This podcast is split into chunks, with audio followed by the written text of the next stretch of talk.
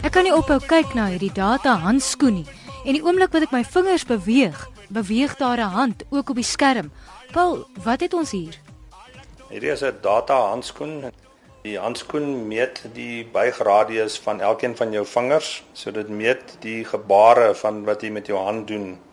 So jy kan byvoorbeeld 'n vuis maak, word dit oorgeplaas op die skerm of jy kan jou hand oopmaak of jy kan 'n aanduidingsgebaar wys Al hierdie handgebare kan gebruik word vir verskillende doeleindes. Een daarvan is om vir doofstom mense te help om te kan kommunikeer.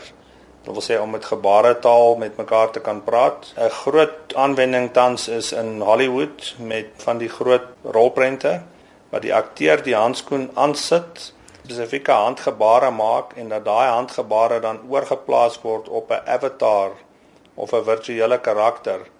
En soos wat die akteur sy hande of vingers beweeg, so sal 'n virtuele karakter wat enigiets kan wees, dit kan een of ander gevreesde entiteit wees, uh wat kan byt en krap en skop en spring.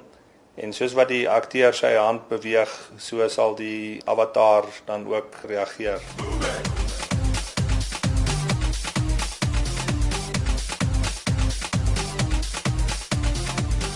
So dit kan ook gebruik word in rekenaarspeletjies neem ek aan. Dit kan gebruik word in rekenaarspeletjies, dit kan gebruik word in waar mens gebare moet herken. Die data handskoen is spesifiek daarop gerig om handgebare te kan herken. En word dit aangepas vir jou spesifieke hand want jy het gesê my hande is 'n bietjie klein, maar dit werk. Ja, so een grootte sal vir verskeie mense pas. Wat ons ook doen is ons doen 'n kalibrasie, soos soos wat jy jou hand rond beweeg, word die data handskoen gekalibreer om vir jou hand self te akkommodeer. So hoe word my beweging wat ek hier maak gesinkroniseer met die skerm?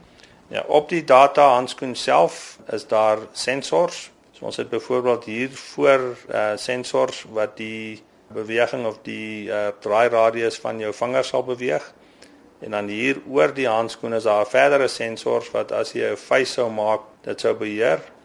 En dan tussen jou vingers daarso en daar en daar en hier is ook sensors om daai beweging van waar die vingers weg van mekaar af beweeg te kan meet. So met ander woorde jy het amper 'n exoskelet op jou skelet.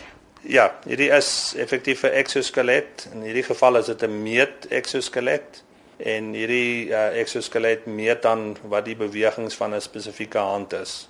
Wel baie dankie, dis interessante tegnologie. Nou as ek na 'n rolprent kyk of 'n rekenaarspeletjie, gaan ek met ander oë daarna kyk.